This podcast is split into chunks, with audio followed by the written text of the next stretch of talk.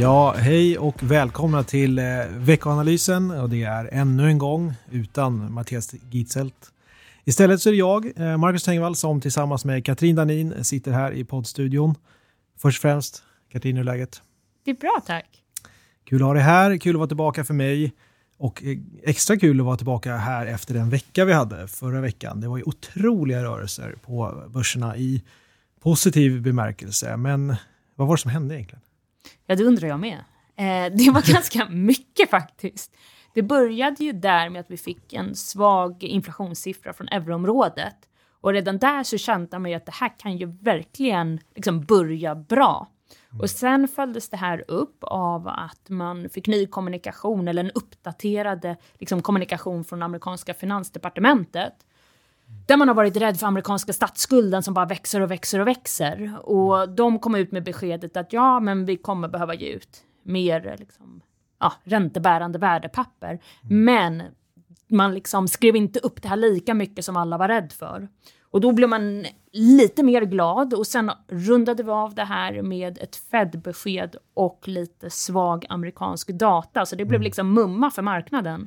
Det var ju perfekt och det var ju lite paradoxalt så är det ju så att svag data helt plötsligt är positiv eh, för börsen och det där har vi pratat lite om, om tidigare. Men just nu så är det ju så att marknaden är ju väldigt orolig för de här räntenivåerna. Man är väldigt räntekänslig.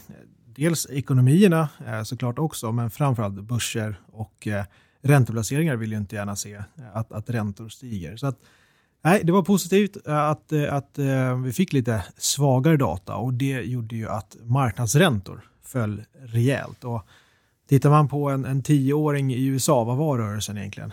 Alltså vi pratar om att den låg nästan uppe vid 5 där i början av veckan, mitten av veckan. Och sen när vi liksom avrundar veckan och tittar man på noteringarna idag, då är samma ränta på dryga 4,5, så 4,60 ungefär.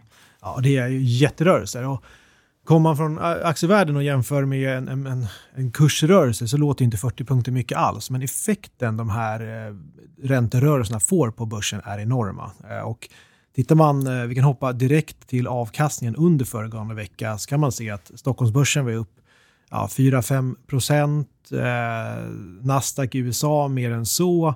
Egentligen över hela linjen så steg börser kraftigt på den här rörelsen. Och det är ju just för att man har ju suktat efter de här eh, räntenedgångarna eh, så mycket. Men varför, okej, okay, vi, vi, vi pratar ju om de olika anledningarna till att, att marknadsräntor föll.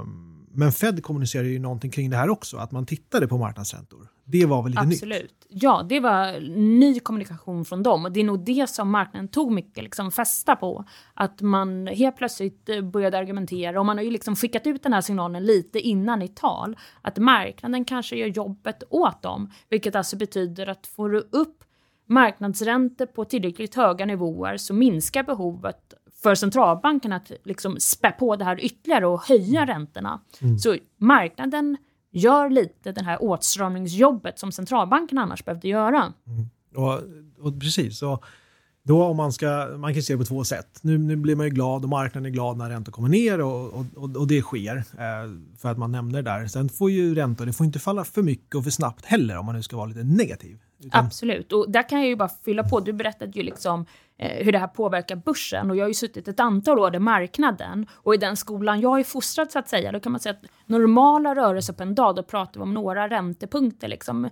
en, två, kanske tre punkter. Börjar du prata liksom tio räntepunkter på en dag, då pratar du stora rörelser. Här pratar vi liksom på loppet av någon dag, någon natt, liksom två, tre dagar max. Och då pratar vi rörelser på 40 punkter. Så det är jätte ränterörelser även utifrån marknadsperspektiv och räntebenet så att säga.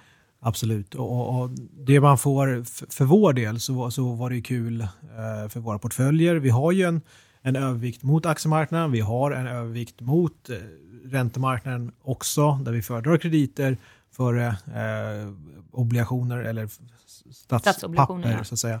Eh, och det här är ju väldigt kul för oss. Vi har ju någonstans väntat på den här räntetoppen. Vi har ju kommunicerat att vi börjar närma oss den. Den kan säkert skjutas fram en, en liten bit, men någonstans så är vi väldigt nära räntenedgångar och det här tar ju marknaden fasta på. Ja, och det är väl lite så man kan liksom läsa det här att att Fed har ju signalerat att ja, men liksom, nu bevakar vi hur marknaden kommer att utvecklas och vi följer den väldigt noga och tittar på marknadsräntor. Men det är klart, som du var inne på, går den här rörelsen ner för snabbt, då kan det hända att Fed kommer tillbaka och behöver göra liksom en sista höjning. Men ligger det här och liksom travar, då är det inte säkert att de faktiskt kommer tillbaka, utan då kanske de är klara. Så det finns nu en möjlighet att de faktiskt är klara.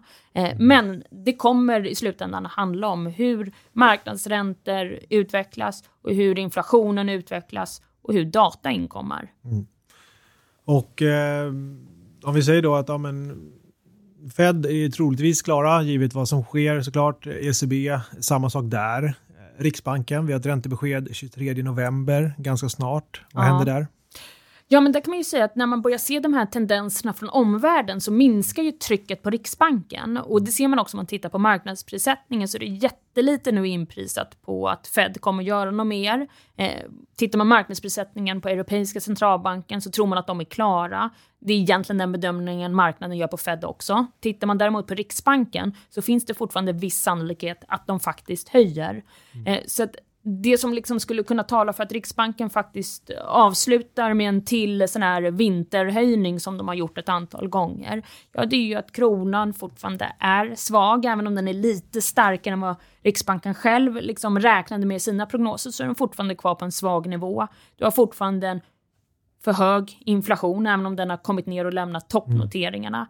Så att det talar för att Riksbanken ändå trots allt kan göra en tillhöjning, plus att de faktiskt själva har flaggat för att det finns en viss sannolikhet. Mm. Och marknaden skulle väl inte bli så överraskad om det kommer eh, en till. Men bara det faktum att vi eventuellt har en till eh, eller är klara, det är ju väldigt positivt för eh, marknaden framåt. Och när vi pratar marknad, då pratar vi börser och eh, ränteplaceringar. Det var ju den veckan, eh, får man väl ändå säga. Blickar vi framåt så, åt den här veckan, så händer ju faktiskt inte alls lika mycket. Det var ju en extremt händelserik vecka eh, förra veckan. Som Katrin tog oss igenom så hände väldigt mycket och framförallt var det stora marknadsrörelser. Men om det är någonting man ska fokusera på den här veckan då, är det, är det någonting du har fångat upp eller något som är av extra intresse?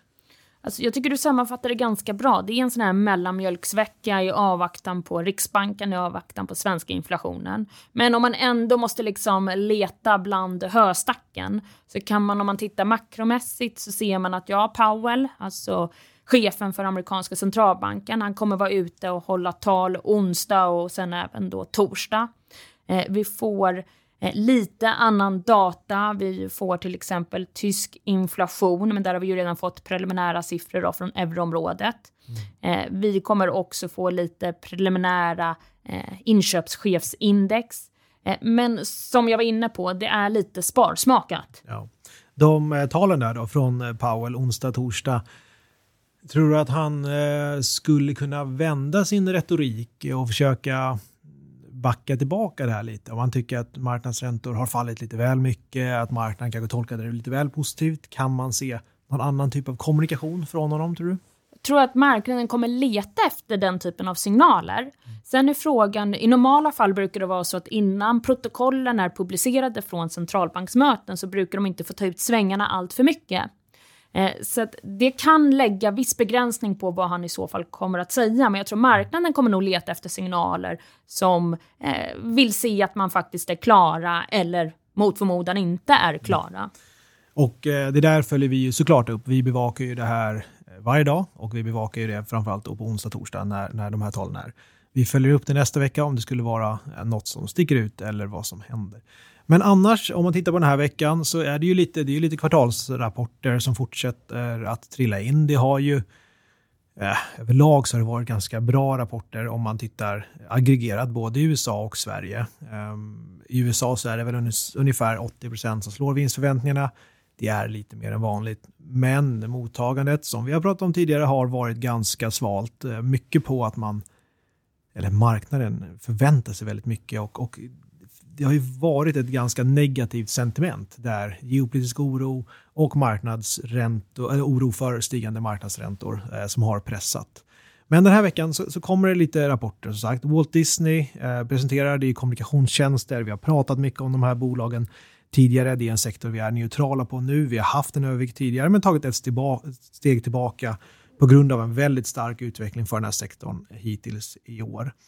Annars så, ehm, ja, värt att nämna i och för sig när vi ändå pratar rapporter. Novo Nordisk eh, rapporterade ju eh, förra veckan, kom in med en bra rapport eh, och jag var tvungen att kolla lite på, på, på, hur stort det här bolaget är nu. Det har ju eh, vuxit bara så det knakar. De har alltså ett, ett börsvärde som idag ligger på 5 000 miljarder kronor. Jag tycker det är det är värt att lyfta. Ja, det är häpnadsväckande. Ja. Jag kan ju flika in där att svensk BNP, alltså värdet av hela svenska ekonomin, är inte så himla mycket större än det där bolaget. Och det säger ja. ju någonting om den bolagsstorleken. En svensk BNP är nästan uppe i 6 000 miljarder kronor. Och här hade vi då ett värde på bolaget på 5 000 Eh, så ja. att det är inte jättelångt ifrån. Nej, det är enorma, eh, enorma eh, eh, tal vi pratar här. Och det här är ju en, en, ett bolag som ligger i vår nordiska enskilda aktieportfölj som har Eh, gjort det bra hittills i år. Portföljen ligger några procentenheter före index och det här är ett bolag som har vuxit som man kan tänka sig. Tittar man på storleken så är det alltså eh, större än vad de här bolagen är tillsammans. Så då pratar vi H&M, SEB, Assa Abloy, Nordea, Volvo, Investor, Atlas och ABB. Så det är ett enormt stort bolag och eh, som Katrin kommer in med sin makroexpertis så är det nästan lika stort som svensk BNP. Ja, den är väl uppe då i 6 000 miljarder, men det är inte mm. jättelångt därifrån. Om vi då tittar lite mer på tabellerna, avkastningsdatan under föregående vecka. Vi har varit inne mycket på det när vi tittat på börserna överlag. Eh, stora siffror, eh, glada börser, marknadsräntor som faller, eh, valutor, händer någonting där kanske? Ja, men vi såg att kronan stärkte, så man kan ju säga generellt så var det ju liksom risk på. Eh, och i sådana miljöer, när börsen går starkt, ja då brukar också kronan gynnas. Så att det här liksom följer precis ut som skolboksexemplet med att räntorna kommer ner lite och då mår börsen bra och en sån miljö så mår kronan bra. Och det är precis det vi såg på marknaden förra veckan. Så att börs stark, kreditobligationer såg vi tajta ihop om man pratar spredda som vi ofta gör på så här jargongspråk. Mm. Men det betyder ju allt annat lika. Att det är liksom risktillgångar gick bra mm. och kronan stärktes.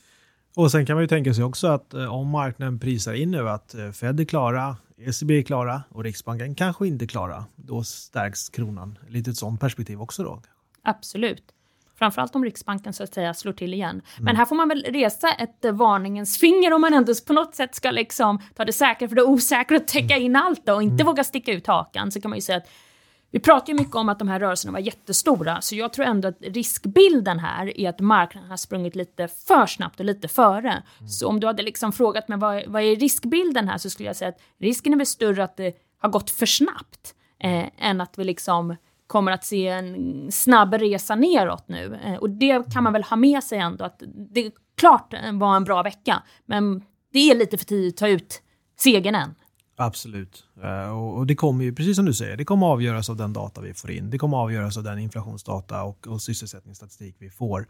Eh, tittar vi duration som vi har pratat eh, mycket om tidigare, alltså ränterisk. Ska man lägga på ränterisk? Är det för tidigt? Hur tänker vi där? Och vi har ju tidigare kommunicerat att det är lite tidigt och efter den här kraftiga ränterörelsen ner så, så ska man nog vara lite försiktig med det just nu i alla fall. Ja men precis, för precis som jag just nämnde så riskbilden är snarast att marknaden har gått lite för snabbt här. Mm.